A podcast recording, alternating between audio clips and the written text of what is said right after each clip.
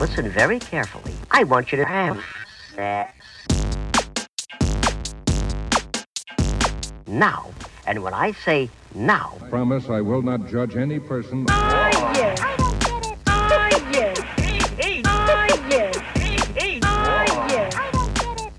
Cześć, z tej strony Nat, czyli Twoja zaufana sekspertka, a to jest Nat i Seks.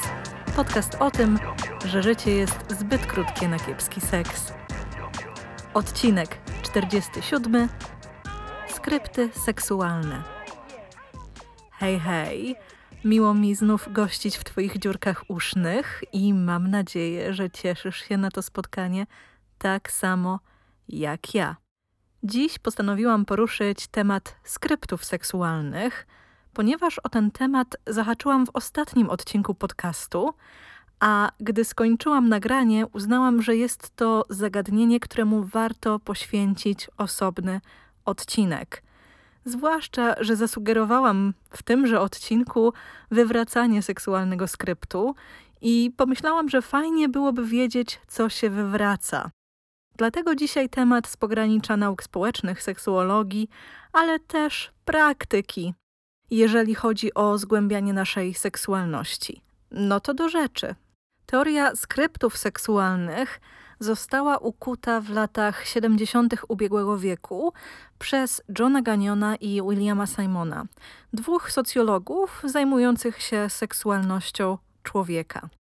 W swojej książce zatytułowanej Sexual Conduct The Social Sources of Human Sexuality, co na polski przetłumaczymy jako zachowania seksualne, społeczne źródła seksualności człowieka, badacze wyodrębnili trzy poziomy budowania seksualnego skryptu, który kształtuje nasze życie seksualne i to, jak je przeżywamy. Te skrypty to kulturalno-historyczny, skrypt interakcji społecznych i osobisty wewnętrzny, który obejmuje indywidualne pragnienia i fantazje. Mam nadzieję, że tych pierwszych nie muszę wyjaśniać, ale może dla pewności to zrobię. Skrypt kulturalno-historyczny wynika z tego, że nasza seksualność nie pozostaje obojętna na kulturę, w której funkcjonujemy, a także na historyczne zmiany, które jej towarzyszą. Jeżeli zaś chodzi o skrypt interakcji społecznych, to polega on na wspólnym kokreowaniu pewnych zasad, którymi będzie rządzić się ekspresja seksualna w naszej rzeczywistości. I w pewnym sensie nowatorskie było to, że Gagnon i Simon postanowili przyjrzeć się skryptom seksualnym szerzej, biorąc pod uwagę perspektywę antropologiczną, historyczną i psychologiczną. To nie tajemnica, że znacznie częściej spoglądało się i nadal spogląda na seksualność pod kątem biologii czy interwencji klinicznych, a podejście uwzględniające czynniki bardziej nienamacalne, takie jak kultura właśnie czy przemiany historyczne, pozwalają spojrzeć na seksualność znacznie szerzej, czyli oferują podejście holistyczne. Czym są więc skrypty seksualne? Skrypty to umowne wyznaczniki odpowiednich, i tutaj stawiam cudzysłów, kontaktów seksualnych i tego, co osoby w nie zaangażowane powinny odczuwać. Oprócz tego, że nasze zachowania są po części instynktowne, jeżeli chodzi o seks, mają też element wyuczony. Czyli jest tutaj element zarówno biologiczny, jak i element scenariusza.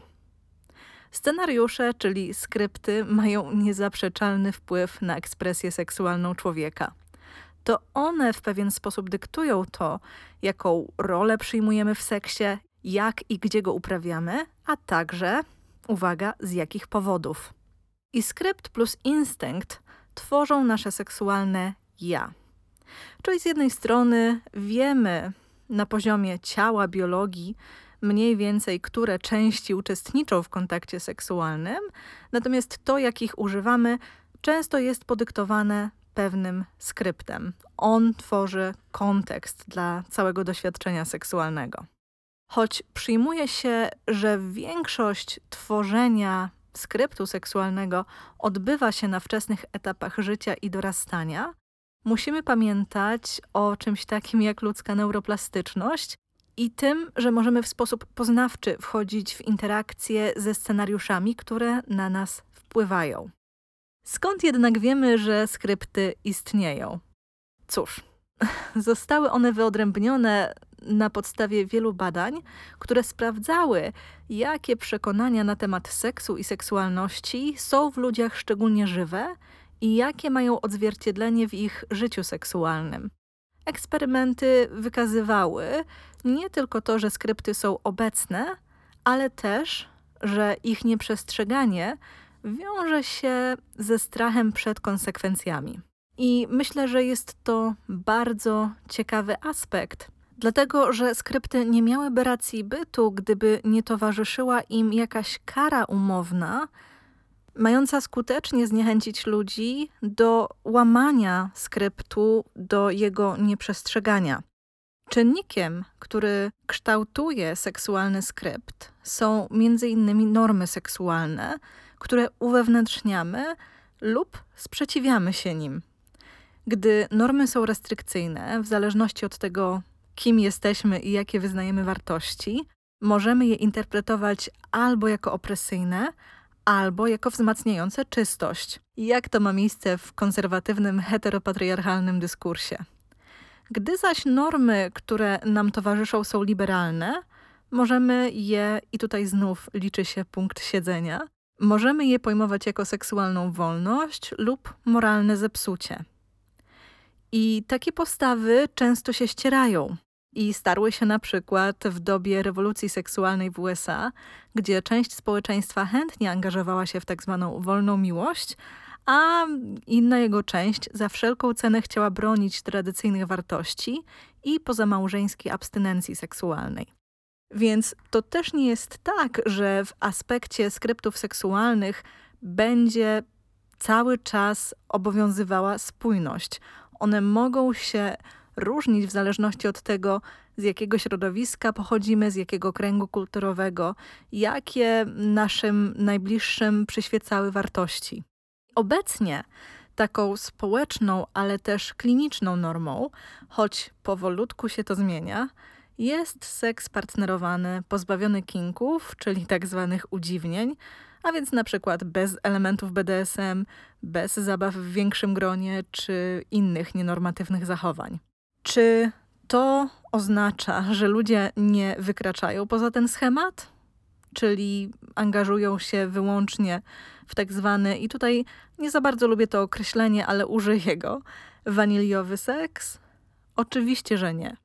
Natomiast jeżeli weźmiemy pod uwagę obowiązujący skrypt, mogą te osoby, które się wyłamują, odczuwać negatywne emocje związane ze swoimi pragnieniami lub spotykać się z nieprzychylnymi reakcjami osób partnerskich albo społeczeństwa, gdy proponują lub komunikują aktywności wykraczające poza tę normę.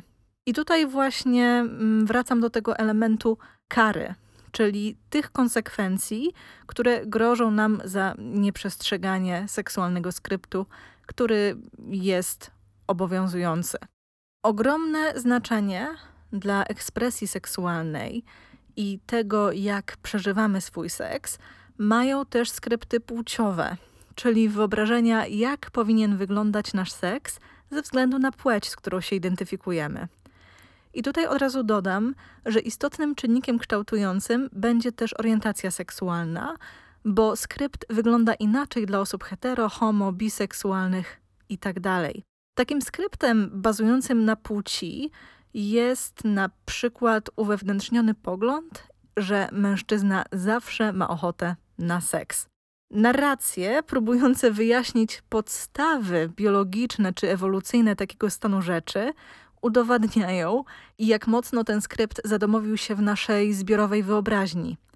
To ten skrypt sprawia, że mężczyzna, który przejawia naturalnie małe zainteresowanie seksem, lub ono z jakiegokolwiek powodu spada, może przeżyć poważny kryzys związany z koncepcją męskości, i skrypt ten może też zostać użyty przeciwko niemu, gdy osoba partnerska skonfrontowana z odmową seksu odwoła się właśnie do tego przekonania, że przecież mężczyzna zawsze powinien mieć ochotę.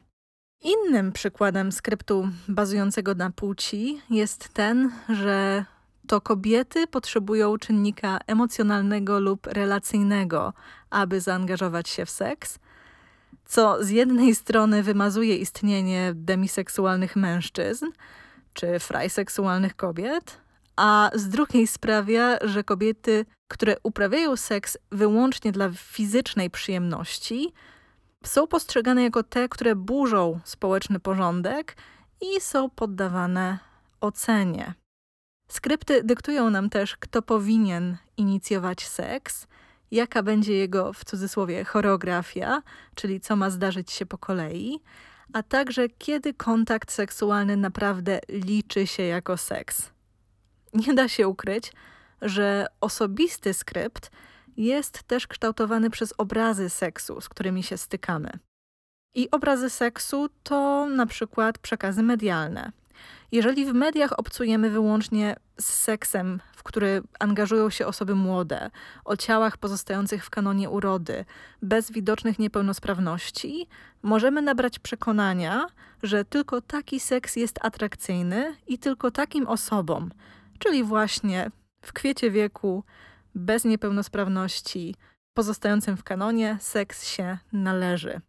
Konsekwencją tego jest oczywiście deseksualizacja i wykluczenie z seksualnego dyskursu całych grup ludzi, w tym osób z niepełnosprawnościami, osób w wieku senioralnym czy osób grubych. Zresztą deseksualizacji poświęciłam cały osobny odcinek podcastu, który znajdziesz w archiwum, jeżeli oczywiście masz ochotę zgłębić temat. I tutaj myślę, że pojawia się ciekawe zagadnienie, jeżeli chodzi o teorię, czyli to, czy to media, na przykład pornografia głównego nurtu, wpływa na tworzenie skryptów seksualnych, na ich kształtowanie, czy może to nasze skrypty seksualne wpływają na to, jaka pornografia jest tworzona i jaka jest nam najbardziej dostępna. Ale jest to zagadnienie w moim odczuciu trochę przypominające pytanie o jajko czy kurę, czyli co było tutaj pierwsze. Nie ulega wątpliwości, że w zależności od punktu widzenia możemy uznać, że albo to pornografia czy media kształtują to, jak przeżywamy seks, ale z drugiej strony zasadne będzie uznanie też, że to dynamiki społeczne, to pewne konstrukty, które tworzymy w ramach społeczeństw, jednak kształtują to, jak chcemy widzieć seks, a więc kształtują też nasze wyobrażenia na temat kontaktów seksualnych. I teraz możemy postawić sobie pytanie, czy skrypty seksualne się zmieniają. I choć na pierwszy rzut oka może się wydawać, że są raczej zjawiskami stałymi, to absolutnie tak nie jest. I tutaj dla przykładu. W średniowieczu istniał seks małżeński i sodomia. Ten pierwszy służył prokreacji, ten drugi, który obejmował akty, które nie mogły doprowadzić do zapłodnienia, czyli seks oralny, analny, stymulację manualną, ocieranie się o siebie, służył pokusze się o stwierdzenie przeżywaniu przyjemności. Zdaję sobie sprawę, że taki podział na dwa typy seksu, które były społecznie dopuszczalne, które były akceptowane, jest sporym uproszczeniem, a osoby, które zajmują się historią średniowiecza, pewnie krzyczą teraz w telefon czy komputer. Ale tyle jestem w stanie przywołać z publikacji dr Eleanor Janegi, której blog o sprawach średniowiecznych, który nazywa się Going Medieval i tak samo nazywa się też jej konto na Twitterze. I obydwa te miejsca w sieci poświęcone są odczarowywaniu średniowiecza i też normowaniu wiedzy, które mamy na temat tej jakże zróżnicowanej epoki. Nie ulega wątpliwości, że seksualne skrypty kształtowane są przez mnogość informacji i wzorów, do których mamy dostęp. Kształtowane są przez to też skąd pochodzimy i z kim się utożsamiamy. Skrypty wpływają również na normalizację i modelowanie, czyli tworzenie zachowań okołorelacyjnych i okołoseksualnych. I takim zjawiskiem jest na przykład promiskuitywność wśród homoseksualnych mężczyzn, która często bywa przedstawiana jako nieodłączna część tożsamości. Czy zatem teoria skryptów seksualnych może się nam do czegoś przydać? Tutaj przypomnę, że powstała ona blisko 50 lat temu, a więc na przestrzeni lat też była poddawana krytyce, pewnym modyfikacjom i pewnym przemianom. Natomiast przyjrzyjmy się jej z perspektywy użyteczności dla nas, czyli po prostu dla osób, których dotyczy seks i na które mogą skrypty seksualne wpływać. Ja tę użyteczność dostrzegam przede wszystkim w tym, że świadomość skryptów, świadomość istnienia skryptów pozwala nam poznawczo skonfrontować się z czymś, co może działać opresyjnie na naszą seksualną ekspresję, a tym samym daje nam to podstawy, aby podjąć kroki ku kształtowaniu własnego skryptu, który może bardziej sprzyja pozytywnemu przeżywaniu swojej seksualności. Możemy więc, mając tę świadomość, przyglądać się, które obowiązujące skrypty są dla nas użyteczne, a które nie.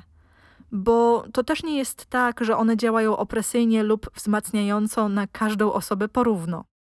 Bo wyodrębniono trzy typy reakcji na seksualne skrypty: konformizm, znajdowanie wyjątków lub transformację.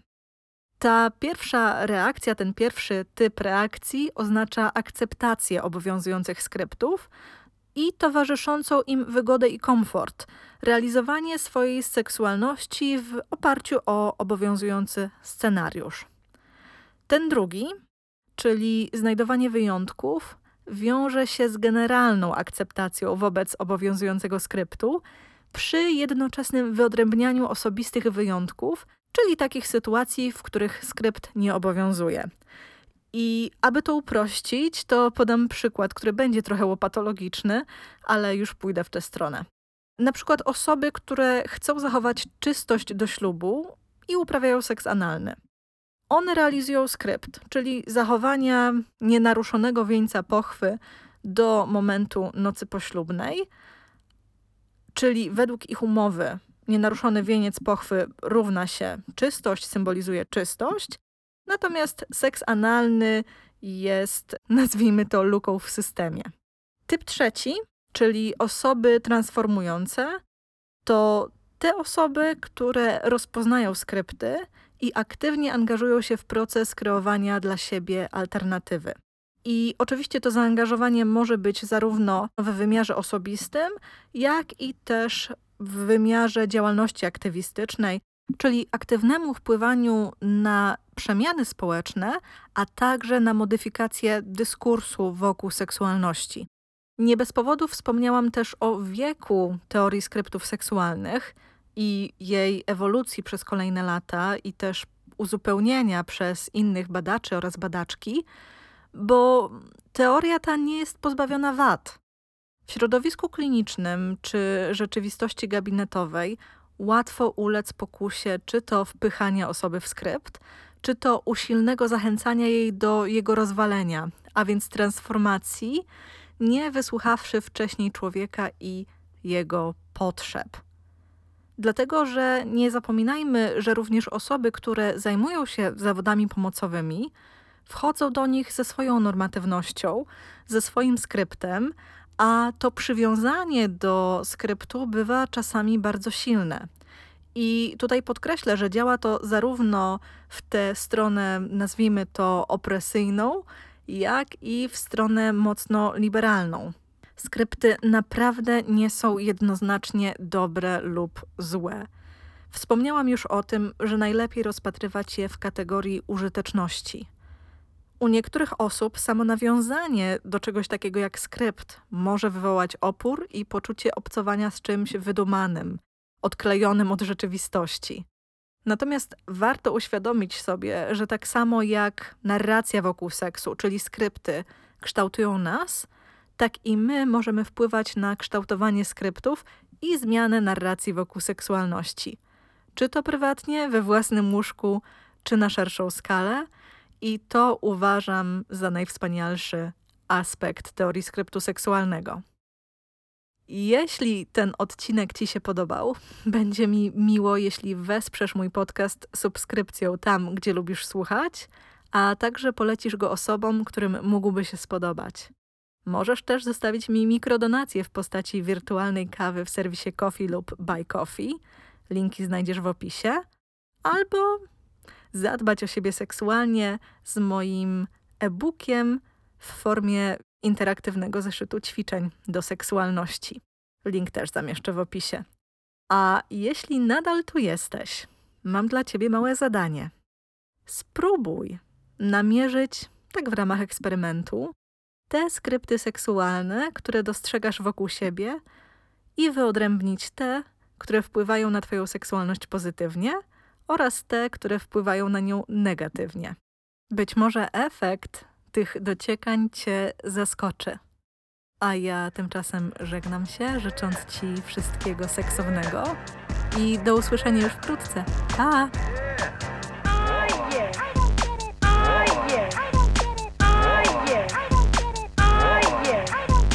So it's very important and very fun also to. Now,